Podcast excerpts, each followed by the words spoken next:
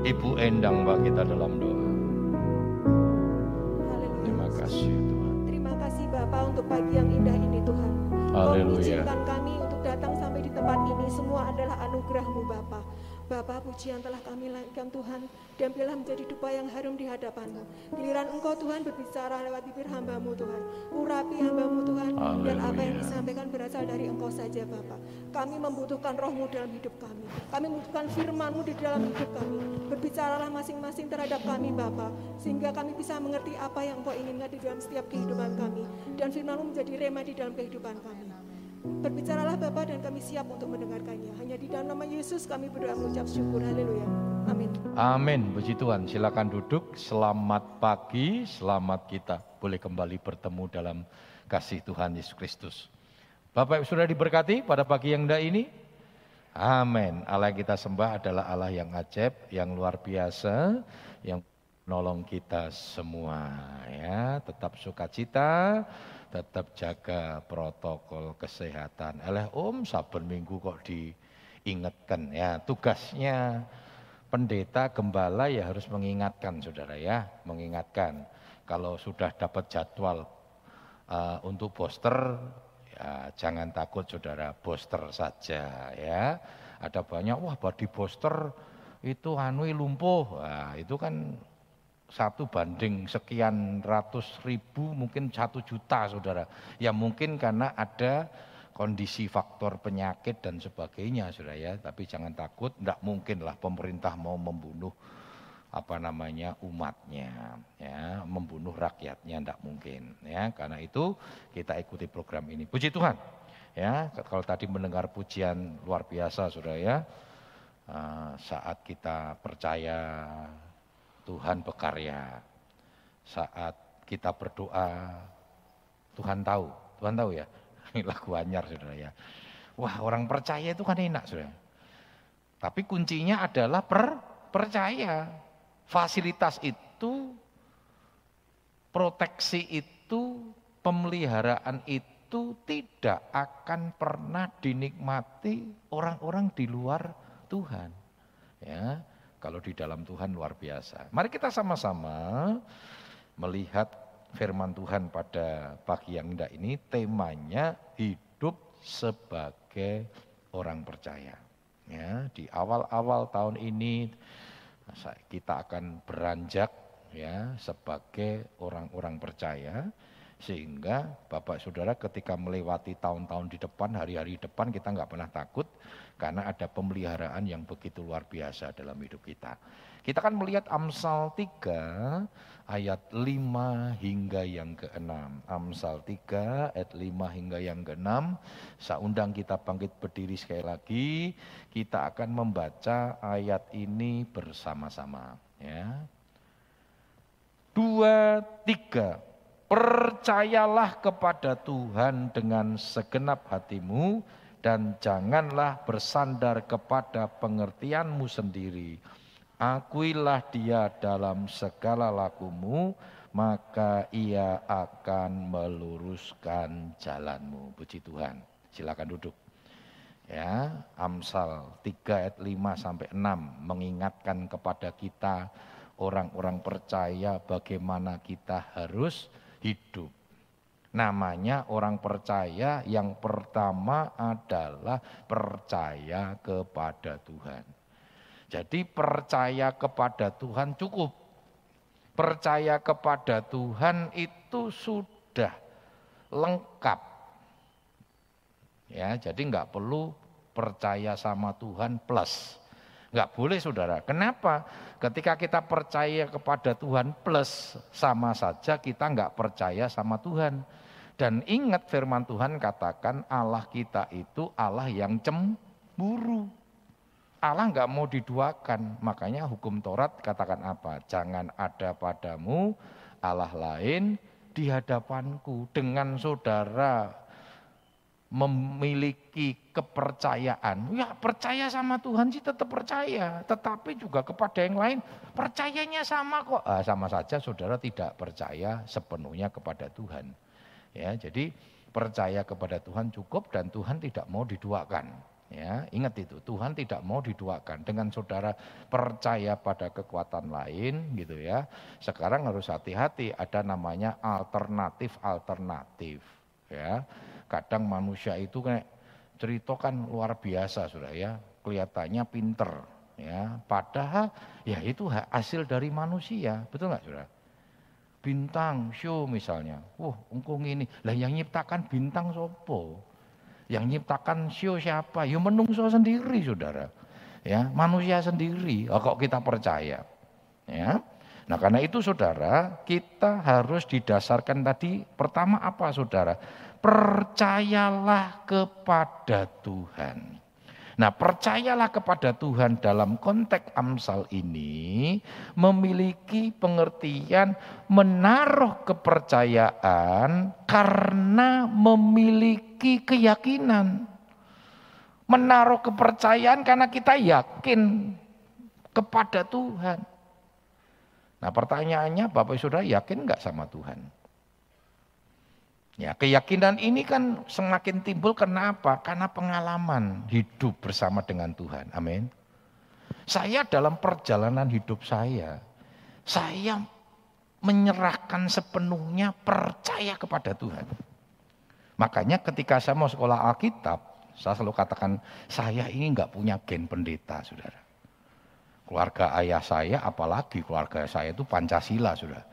Sing Kristen ya ono, sing Islam ya ada, sing Buddha ya ono, Hindu yo ono, kejawen yo ada. Itu itu keluarga ayah saya, Saudara. Ya, dari keluarga mama saya memang Kristen. Ya. Ah, walaupun sebelumnya belum Saudara, ya, kakek saya itu Konghucu. Baru satu bulan sebelum meninggal dia mau percaya sama Tuhan. Ya. Dan keluarga nenek saya juga Konghucu, tetapi pada waktu dia pernah nenek saya pernah mengalami satu sakit kulit yang begitu parah, akhirnya ada seorang boksu yang mendoakan dibaptis, saudara. Wong loro kulit kok dibaptis. Tapi malah bar dibaptis, mari saudara. Nenek saya jadi percaya sama Tuhan. Lalu mulai om saya, tante, mama saya itu termasuk terakhir karena papa saya kejawen. Saudara. Jadi kalau kita melihat saya bukan orang yang dari latar belakang pendeta. Akhirnya dari keluarga mama saya bergerak dalam apa pekerjaan mereka sebagai pengusaha. Rata-rata pengusaha semua sudah sampai hari ini. Keluarga besar kami dari mama itu di kota Solo rata-rata seorang pengusaha. Makanya ketika saya jadi pendeta mereka ngomong, meh mangan opo? Pikirnya makan Alkitab sudah ya. Nek Alkitab kan cuma 66 kitab. 66 hari entek saudara. Hari ini mangan kejadian, sisuk keluaran ya, imamat gitu saudara. Tapi saya punya keyakinan. Saya sampaikan kepada keluarga besar saya bahwa Tuhan pelihara saya. Dan saya buktikan saudara. Makanya saya membuat statement pada waktu itu 1989 tahun 1989 saya membuat statement karena orang tua uh, sorry keluarga besar saya ini apa ya ngagar-ngagari ya. Ngagar-ngagari itu bahasa Jerman campur Jawa didik saudara. Dia katakan kue nek sekolah Alkitab ono opo-opo rentuk jaluk keluarga. Sebenarnya sebenarnya ngagar-ngagari tok saudara. Yang dari luar pulau yang tidak ngerti bahasa Jerman bisa tanya sama orang yang ngerti bahasa Jerman ngagar-ngagari ki opo saudara. Jadi lalu saya membuat statement saudara. Nah, pikirnya dengan begitu supaya saya takut saudara ya Wong keyakinan saya sama Tuhan bukan sama keluarga besar. Lalu saya membuat statement pada waktu itu. Saya katakan mulai hari ini tahun 89 saya tidak akan pernah mengulurkan tangan kepada yang namanya manusia untuk kebutuhan hidup saya. Saya terlalu yakin Tuhan pasti pelihara. Dan saya bersyukur sudah, walaupun sebelumnya saya bukan orang yang senang minta sudah.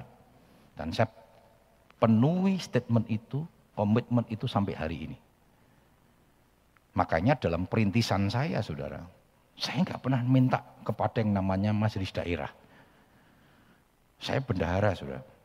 Dan benda, uh, di sebagai bendahara majelis daerah, karena keuangan kita kan dari perpuluhan hamba-hamba Tuhan.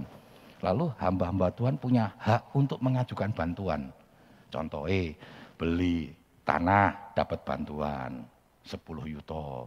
Bangun gereja untuk dapat bantuan 5 juta. Istrinya melahirkan dapat bantuan 2 juta gitu sudah. Banyak sekali kriterianya banyak. Dan kerjaan saya setiap minggu itu ngurusi bantuan. Ya, kalau ada yang meninggal dunia, ya, ada meninggal dunia, mereka dapat bantuan duka 5 juta dan sebagainya. Dan saya belum pernah minta, sudah.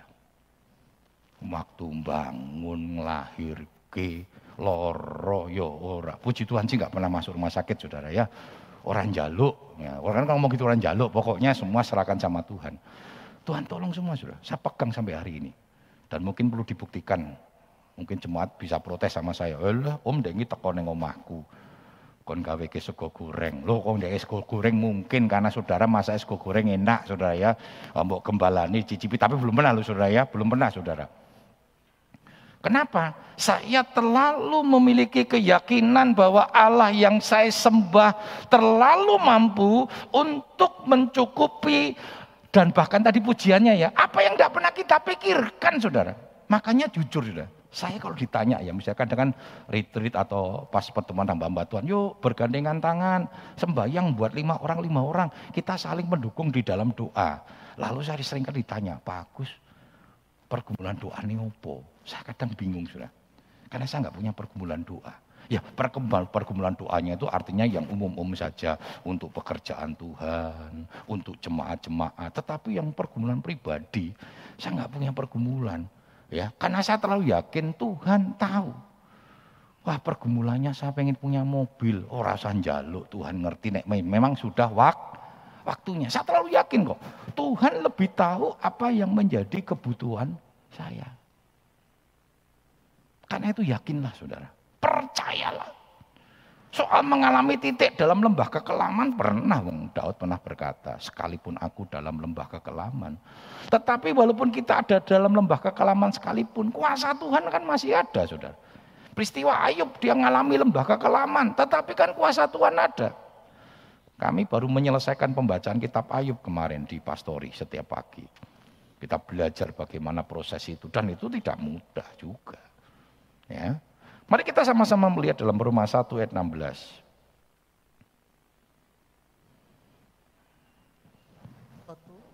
Roma 1 ayat yang ke-16.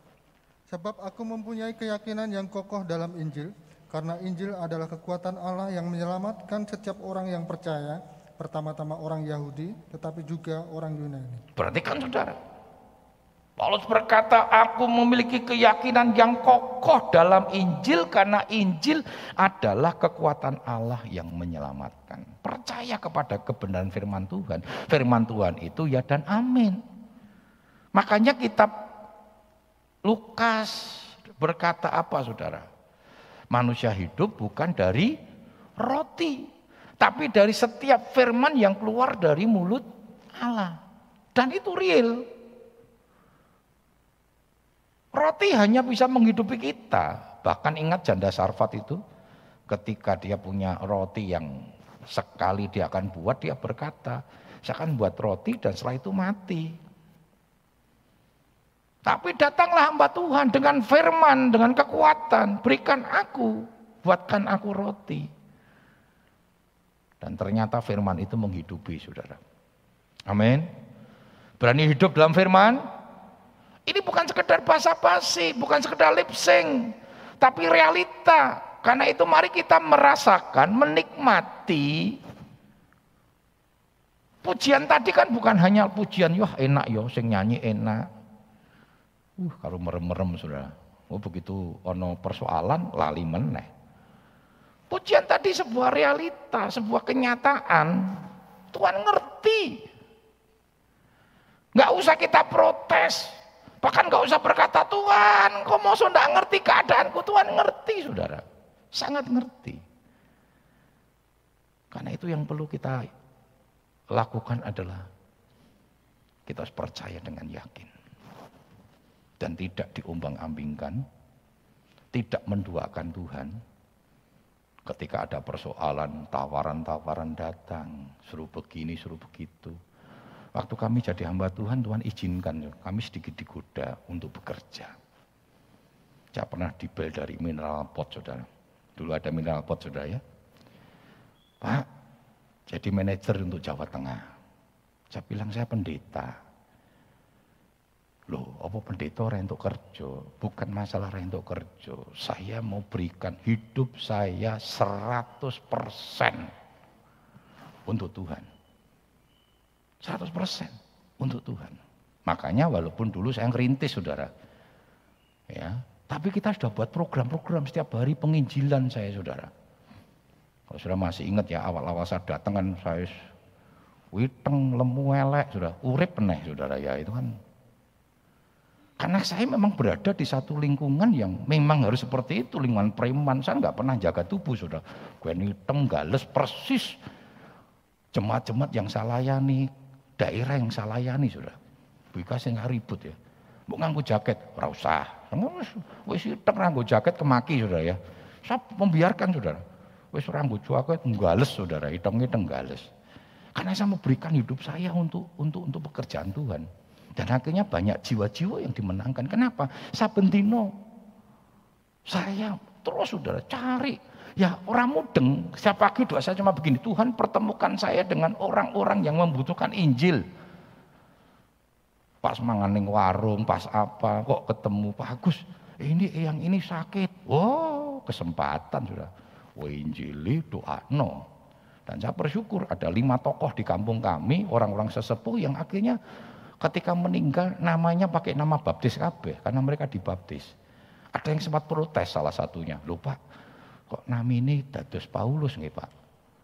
Depannya dikasih Paulus. Saya bilang ya karena sudah dibaptis itu nama baptis namanya. Dan terlalu yakin saudara, Tuhan pelihara hidup saya. Tuhan pelihara hidup saya. Ketika kita berani percayakan hidupmu kepada Tuhan maka Tuhan pelihara hidup kita. Dan ini percaya dengan yakin. Saya tidak tahu apa yang Bapak Saudara hadapi hari-hari ini tuh. Saya tidak pernah bisa berkata bahwa hidup itu gampang. Ingat ya firman Tuhan yang saya katakan di bulan Desember kemarin. Kita akan menghadapi hari-hari yang gelap. Dunianya sudah. Ingat ya dunianya ya. Maka kita ini anak terang. Di tengah kegelapan yang begitu gelap saudara. Ada terang. Ada terang saudara. Nah itu kita tidak boleh takut. Saudara. Ya, yang kedua dikatakan apa saudara? Jangan bersandar pada hikmat manusia. Perhatikan saudara. Ya percaya percaya mbak Tuhan, neng yo ojo fanatik lah. Ini bahasa yang ini bahasa yang menyesatkan saudara. Kan ada orang gitu ya. Oh, jadi Kristen-Kristen rasa fanatik-fanatik lah. Loh saudara kita harus fanatik saudara, jangan salah. Fanatik itu artinya berpegang teguh pada kebenaran. Saudara percaya enggak bahwa Kristen itu kebenaran?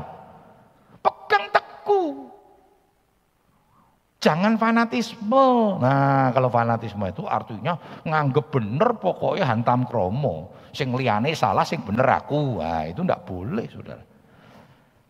Karena kita berdasarkan kepada kebenaran firman Tuhan, ya kita fanatik. Pegang itu, kita tidak boleh digoyahkan. Kan tadi dikatakan, percaya kokoh. Itu namanya fanatik. Bukan fanatisme. Ya, jadi kepada kepercayaan iman yang kita pegang harus fanatik, saudara. Jangan mau dibelok-belokkan. Tidak apa-apalah manusia kan harus ikhtiar. Ya ikhtiar boleh selama itu sesuai dengan jalannya Tuhan. Sesuai dengan jalannya Tuhan. Ya, dan jangan menyakiti hati Tuhan dan yang kedua jangan menduakan hati Tuhan. Ya, apalagi kalau udah cerita terus ngomong Om percaya nggak percaya Om oh ora percaya saya percaya percaya mbak Gusti Yesus tok satu dan firman Tuhan dan kebenarannya amin Amin. Kok abot men gitu. Iki kok percaya percaya om gitu ya. Harus pegang gitu, ya. Coba kita lihat dalam 1 Petrus 1 24 25. 1 Petrus 1 ayat 24 dan 25. Sebab semua yang hidup adalah seperti rumput dan segala kemuliaannya seperti bunga rumput. Rumput menjadi kering dan bunga gugur, tetapi firman Tuhan tetap untuk selama-lamanya. Inilah firman yang disampaikan Injil kepada kami. Perhatikan saudara. Inilah manusia. Manusia fana. Seperti rumput. Bahkan kemuliaannya seperti bunga rumput. Karena itu jangan kejar kemuliaan dunia, kecewa. Ada banyak orang kejar kemuliaan dunia, saudara. Ya. Memang kemuliaan dunia itu luar biasa. Sudah dapat jabatan, wah ya luar biasa. Tapi kalau itu yang dikejar, saudara percaya jabatan yang saudara punya sampai detik hari ini, itu semua karena anugerah Tuhan. Ketika saya jadi MD saya nggak pernah minta sudah, saya diminta terus. Saya selalu yang paling muda. 2003, 2099 uh, saya bergabung di Jawa Tengah setelah pulang dari Jakarta, saya bergabung di Jawa Tengah. Lalu saya apa namanya uh, melayani di Jawa Tengah, bergabung menjadi Korps GPDI Jateng, Suraya. 2003 saya jadi majelis wilayah. Paling muda PDM saudara ya. Walaupun tidak ada aturan majelis wilayah harus pendeta penuh. Tapi satu-satunya majelis wilayah yang pendeta muda cuma saya. Saya waktu itu rodok protes, saya bilang jangan toh om sama bapak-bapak MD waktu itu. Saya masih PDM, orang no aturan, pokoknya kerja, kami tahu potensi kamu, kerja. Ya saya kerja sudah. Tapi kan saya tetap setiap setelah diangkat, saya menganggap pekerjaan itu dari Tuhan. Kerjakan saja, saudara. 2007 saya jadi MD. Wah, terjadi persoalan, saudara. Karena satu, saya belum lima tahun pendeta. Karena persyaratan jadi MD itu harus lima tahun pendeta. Saya kurang setahun. Saya udah ngomong waktu itu sama almarhum Bapak Asa, Om saya kurang setahun engkau mesti masalah. Tidak apa-apa. Yang salah om. Karena yang milih kamu tuh om. Kamu tenang saja, kerja saja. Kalau yang dipersalahkan nanti bukan kamu, om yang dipersalahkan. Dan om sudah konsultasi dengan majelis pusat. Rame saudara. Mulai jadi, wah saya bingung juga saudara ya, bingung juga. Ini jabatan.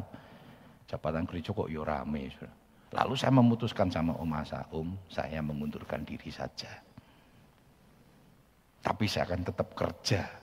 Saya kerjakan program-programnya MD. Saya de jure bukan MD, saudara. 2007, eh 2007 ya. Tapi de facto saya MD. Kenapa? Saya tetap kerja, saudara. Kerja. Karena bagi saya ini pekerjaan Tuhan bukan jabatannya. Karena itu jangan kejar kemuliaan. Periode lalu saya nggak duduk, ora popo, santai saja, suka cita, saudara.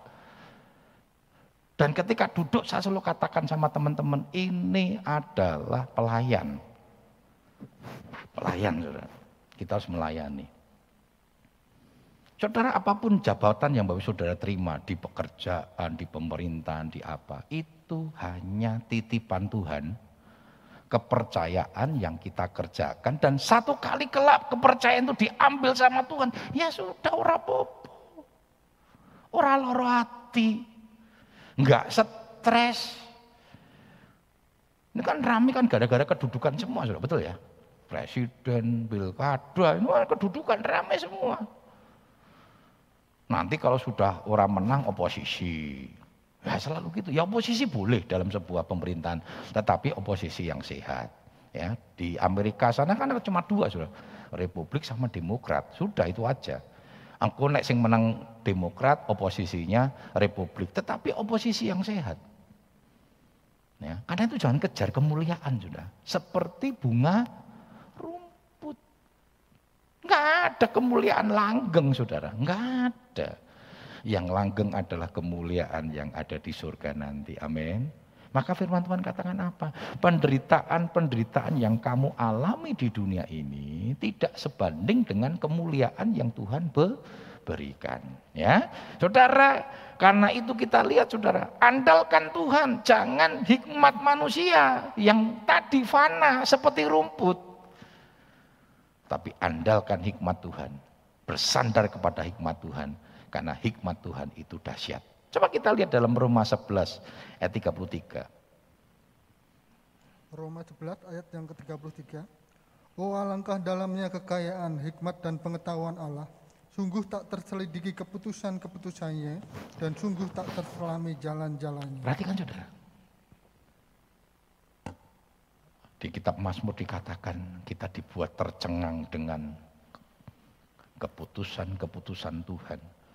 Dengan cara Allah memelihara hidup kita. Betul nggak saudara? Kalau saya boleh tiba sampai hari ini, saya selalu katakan pada Bapak Saudara, ini di luar ekspektasi saya. Dan kalau saya kembali flashback ke belakang, aduh luar biasa Tuhan itu.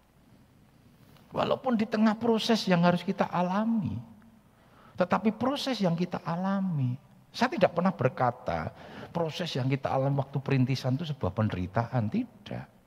Mungkin orang lain mengatakan itu penderitaan, bagi kami bukan penderitaan, kami lakukan sukacita kok.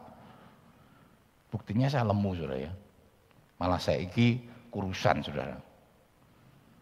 Ketika sudah mulai proses kurus saudara, karena menata hidup saudara.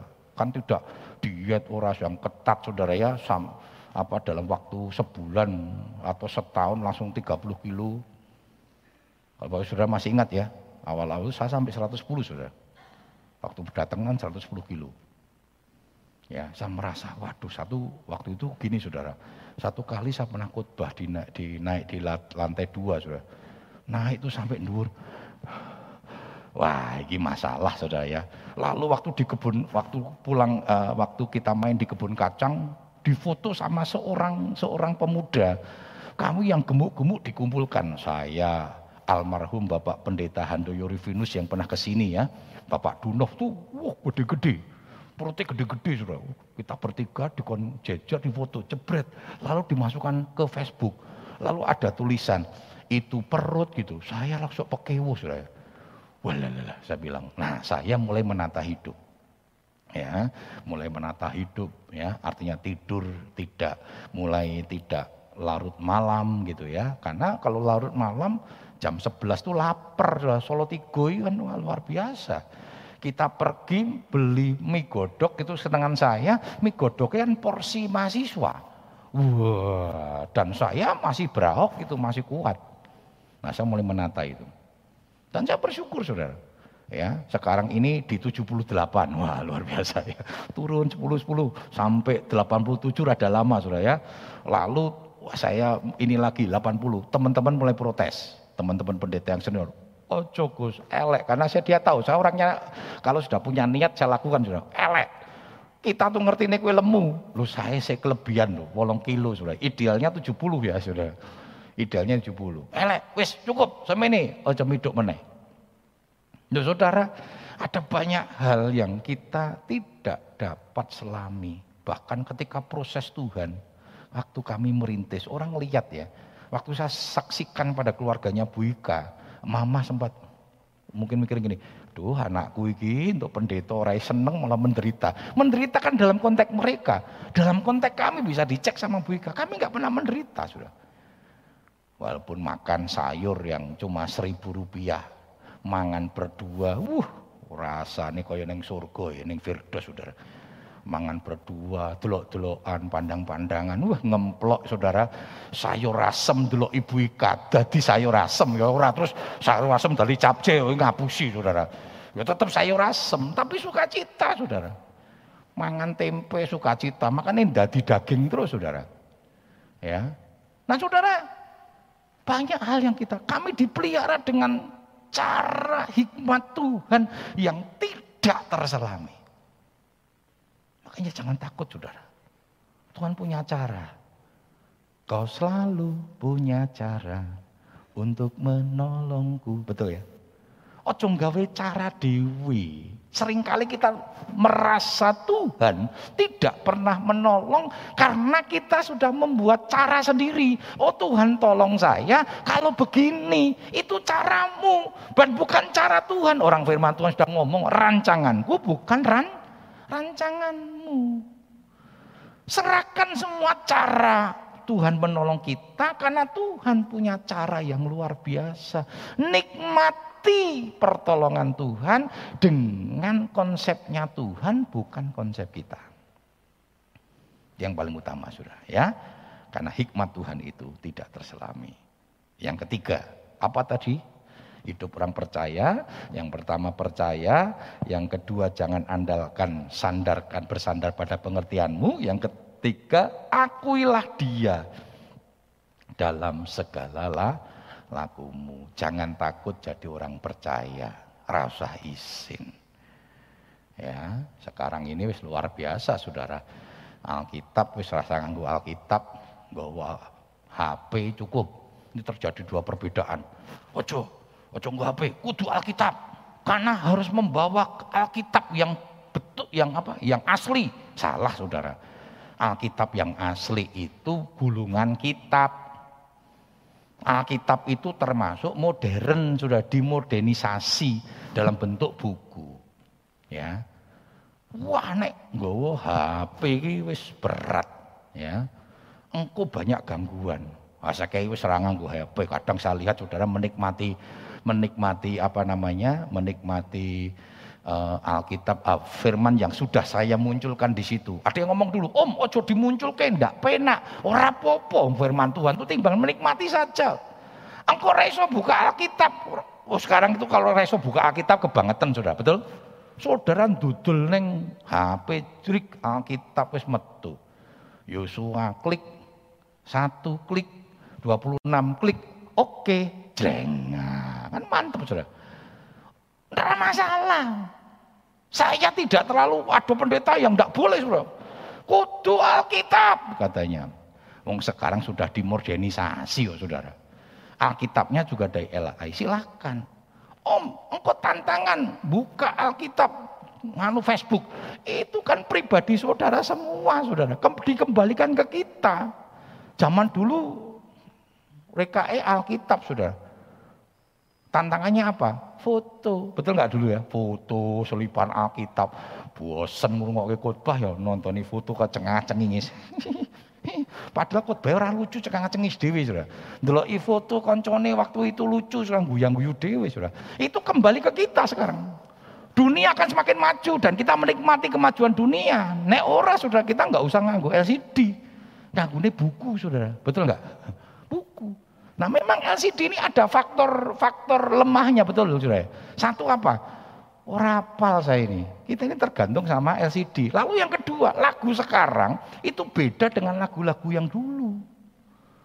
Nek dulu kan kata-katanya ora panjang pendek, mari masuk, mari masuk, masuk hatiku ya Yesus, datang sekarang, datang sekarang. Kan pendek. Saiki kata-katane walalalah wis berbait-bait. Tadi coba ya suara nyanyi. Ora apa Saudara. Ya memang ada efek-efek yang berbeda ya, tetapi inilah zaman. Kita nggak bisa kita harus mengikuti zaman, tetapi yang terpenting seperti Alkitab katakan kepada Daud. Daud melakukan kehendak Tuhan pada zamannya. Artinya apa? Zaman akan berubah, sudah. Zaman akan berubah. Ya. Saya sempat diprotes juga dengan beberapa hamba Tuhan. Kamu tuh nembek staf pengerja apa, memanjakan. Dikai motor. Dunia sekarang nek zaman dulu mereka jalan karena gembalane ngontel saudara. Punya pit ontel cuma satu. Lah pengerjane jalan. Saya bilang lah dunia sekarang kon melaku apalagi jalan begini rame sudah. Sudah nikmati saja. Kita harus mengikuti perkembangan zaman. Tetapi cinta kita, percaya kita sama Tuhan jangan berubah. Ya. Karena itu aku Tuhan dalam setiap hidup. Tunjukkan bahwa kita ini anak Tuhan, jangan malu. Coba kita lihat di dalam Matius 7, 16, 17. Matius 7 ayat 16 dan 17. Dari buahnya lah kamu akan mengenal mereka. Dapatkah orang memetik buah anggur dari semak duri atau buah ara dari rumput duri? Demikianlah setiap pohon yang baik menghasilkan buah yang baik, sedang pohon yang tidak baik menghasilkan buah yang tidak baik. Perhatikan saudara buah yang pohon yang baik akan menghasilkan buah yang baik. Kalau kita selalu hidup dalam kebenaran firman Tuhan, maka buahnya fir, firman. Akui Tuhan dalam hidupmu. Jangan cuma hari Minggu. Berapa banyak kita mengakui Tuhan itu hanya hari Minggu.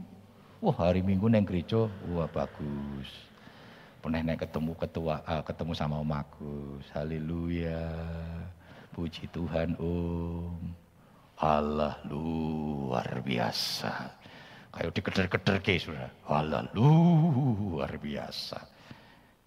Begitu mulai cempreng. Gitu. Jangan saudara.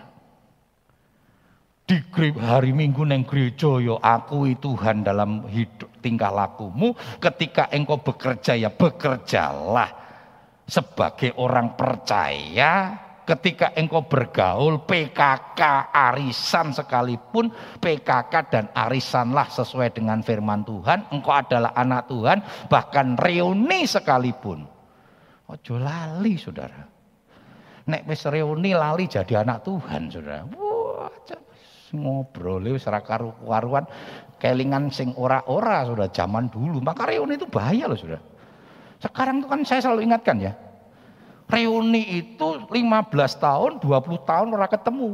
Begitu ngadake reuni 20 tahun tidak ketemu, lalu buat statement kita setiap bulan reuni. Setiap bulan kok reuni meh diomongke opo, itu merusak Saudara. Ya, jangan banyakkan reuni lah Saudara. Reuni itu kan 15 20 tahun ya. Saya senang Saudara. Saya ketemu itu bahkan 35 tahun. Kami reuni SD sudah. Uh, seneng banget. Waduh, saya seneng banget ya.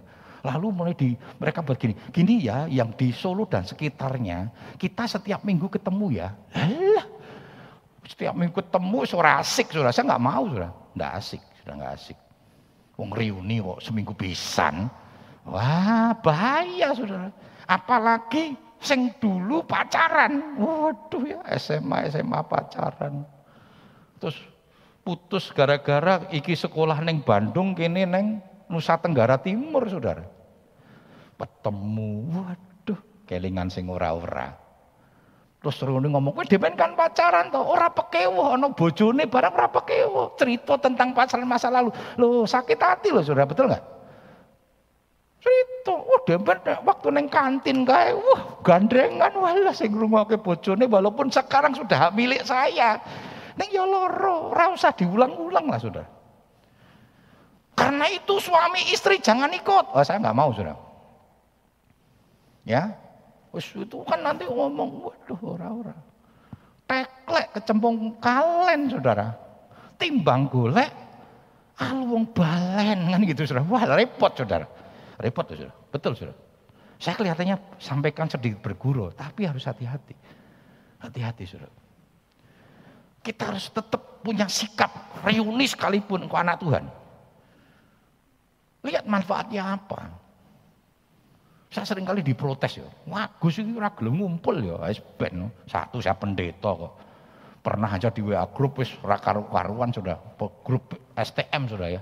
Ya tahulah STM. Walaupun saya di STM panggilan saya pendeta sudah. Maka mereka enggak kaget. Wah, saya dimasukkan grup, saya kasih firman, wah senang sudah mereka, oh haleluya Pak Pendeta terima kasih, uh kayak jempol terus, asal kayak firman. Wah, bar saya ngasih renungan, muncul gambar porno saudara, wong wedok udo, Walah, saya bilang, wah saya rada marah saya, saya langsung tak komentari, eh hey, dewi ki tua yo, ora cah meneh ora do bertobat kabeh, dilok meneh do mati loh, ora bertobat saya bilang. Saya bilang, kalau begini saya keluar, saya bilang, saya nggak mau. Oh ya sorry, sorry Pak Pendeta, sorry, sorry, sorry. Betul, sudah. Ya wes, tak kasih lagi firman. Eh lali, sudah. Wong wedok udah meneh, sudah. Wah, saya bilang, sorry, saya bilang, saya ini HP saya itu terbuka. Istri saya bisa ngelihat, anak-anak bisa ngelihat. Saya terbuka, sudah. Wong nggak ada yang tutup-tutupi ya, sudah. Suami istri jangan sudah istri dulu privasi ya privasi wah bahaya saudara ini bahaya biarkan saya buka istri bupatnya Bu Ika. Tapi kita buka bukan untuk cari tahu, rasa curiga sudah. Bu Ika buka pun saya tidak pernah marah sudah. Anak saya buka ora popo. Wong bapak era ndak ndak ndak aneh-aneh sudah. Nah saya bilang nek anakku buka, ndelok wong wedok udo, pikirannya anak-anak saya opo saya bilang. Saya keluar sudah. Ya, ndak lama kemudian minta maaf, maaf sorry sorry Gus, ya sorry yo. Sorry sorry, wah wis tak seneni yo, tak seneni kancaku iki. Wis mlebu neh yo, kita perlu firman, kita perlu firman. Meneh yo, wani mbok wono gambar meneh apa saya bilang. Masukkan lagi. Eh sebulan meneh kumat saudara. Wah wis gah saya. Dah saya keluar saya bilang, enggak berani sekarang. Wani mbok leboke awas saya bilang. Wis kono dosa-dosa ya biarlah yang cemar semakin cemar, yang kudus semakin kudus Saudara. Harus hati-hati sudah, jangan ikut lali. Lah ora apa reuni. Ojo so alim-alim lah kowe demen nakal. Enggak apa-apa sudah. Kita dulu mantan orang nakal kan enggak apa-apa sudah. Yang penting bertobat. Ah, jangan kowe demen kan pendeta saiki merusal lah, malah itu bahaya sudah. Ya, akuilah Tuhan dalam setiap hidupmu. Jadi berkat. Yang terakhir, hidup harus jadi berkat. Matius 5 ayat 16. Matius 5 ayat yang ke-16. Demikianlah hendaknya terangmu bercahaya di depan orang, supaya mereka melihat perbuatanmu yang baik dan memuliakan Bapamu yang di sorga. Tadi kan ini jadi berkat sudah. Jadi akuilah Tuhan dia dalam tingkah lakumu jadi berkat. Sehingga hidup kita boleh menjadi berkat. Orang melihat melihat perbuatan kita yang baik, sudah. Bukan karena kita menunjukkan, karena memang eksistensi kita baik, sudah. Jadi berbuat baik bukan supaya orang lihat, bukan sudah, karena memang kita baik, gitu loh. Eksistensi kita baik. Neng gereja ya ape gitu sudah ya. Neng gereja ya baik, di ini ya baik dan sebagainya sudah. Jadi kita nggak usah takut. Ya, nggak usah takut sudah. Baik saja. Dan akhirnya apa? Mereka memuliakan Bapamu yang di surga. Tiga hal yang perlu kita perhatikan sebagai orang percaya. Yang pertama percaya dengan yakin. Yang kedua jangan andalkan pengertian manusia. Dan yang ketiga, akuilah dia. Melalui hidupmu, nama Tuhan dipermuliakan. Puji Tuhan saya tidak panjang lebarkan firman Tuhan. Jadi berkat, jadi anak Tuhan jadi orang percaya yang betul-betul mendatangkan berkat bagi kemuliaan nama Tuhan. Bukan sekedar percaya-percaya saja. Bukan hanya Kristen-Kristenan. Tapi orang Kristen yang hidup sesuai dengan kebenaran firman Tuhan. Terima kasih Tuhan. Bapak berdoa kita dalam doa. Syukur kepada Tuhan saat pagi hari ini kami boleh mendengar firman-Mu Tuhan. Dan kami mengucap syukur buat setiap firman yang sudah kami dengar. Jadikan kami anak-anak Tuhan, orang-orang percaya yang senantiasa hidup di dalam kebenaran firman Tuhan. Allah Roh Kudus, Engkau yang senantiasa menjaga hidup kami, supaya terus berjalan di dalam kebenaran-Mu. Memberkati hambamu yang sudah menyampaikan kebenaran firman Tuhan. Memberkati kami semua yang sudah mendengar firman-Mu. Dan tanamkan firman-Mu lebih dalam lagi dalam setiap hati kami Tuhan. Di dalam nama Tuhan Yesus Kristus kami berdoa dan bersyukur. Haleluya. Amin.